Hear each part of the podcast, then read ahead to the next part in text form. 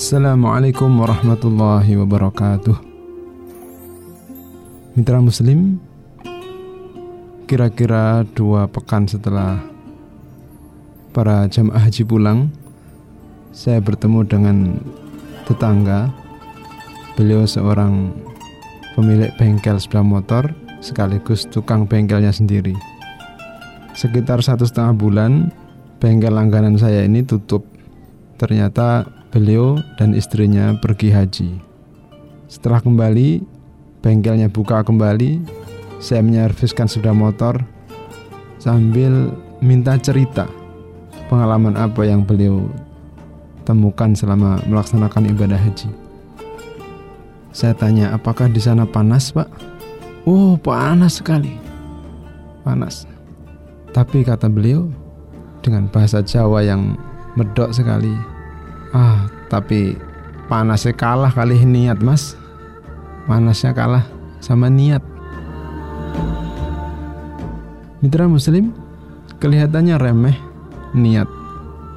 Satu kata yang mudah sekali kita ucapkan. Namun hakikatnya sungguh luar biasa. Niat merupakan cermin keimanan. Sampai Imam Nawawi dalam Riyadus Salihin menempatkan bab niat ini pada bab pertama. Hadis tentang niat ini pada hadis pertama. Sungguh subhanallah niat itu sangat besar pengaruhnya dalam amal perbuatan kita. Sama-sama kita berangkat bekerja, sama-sama kita makan, sama-sama kita berusaha membahagiakan keluarga. Tapi akan berbeda nilainya di hadapan Allah Subhanahu wa taala karena niatnya. Sungguh Rasulullah sallallahu alaihi wasallam menegaskan innamal a'malu binniyat wa innamal likulli imri'in ma nawa. Sesungguhnya semua perbuatan itu akan dihitung, dinilai berdasarkan niatnya. Dan setiap orang akan mendapatkan balasan sesuai dengan apa yang dia niatkan. Mitra muslim, dalam bekerja antara orang yang niatnya karena Allah dan tidak karena Allah sama-sama mengeluarkan energi, sama-sama mengeluarkan tenaga, mengeluarkan biaya, menghabiskan waktu dan sebagainya. Oleh karena itu, mari kita luruskan niat kita. Jadikan ridho Allah Subhanahu wa taala itu sebagai motivator yang sangat kuat mempengaruhi kerja kita.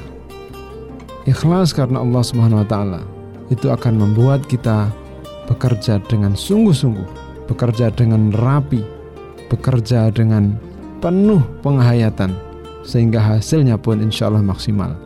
Di dunia kita mendapatkan apresiasi yang bagus, di akhirat insya Allah akan mendapatkan pahala yang sangat besar dari Allah Subhanahu wa Ta'ala karena niat kita bekerja itu untuk mendapatkan ridha Allah Subhanahu wa Ta'ala. Saya Saiful Arifin, Ketua Yayasan Pondok Pesantren Darul Fikri Sidoarjo. Wassalamualaikum warahmatullahi wabarakatuh.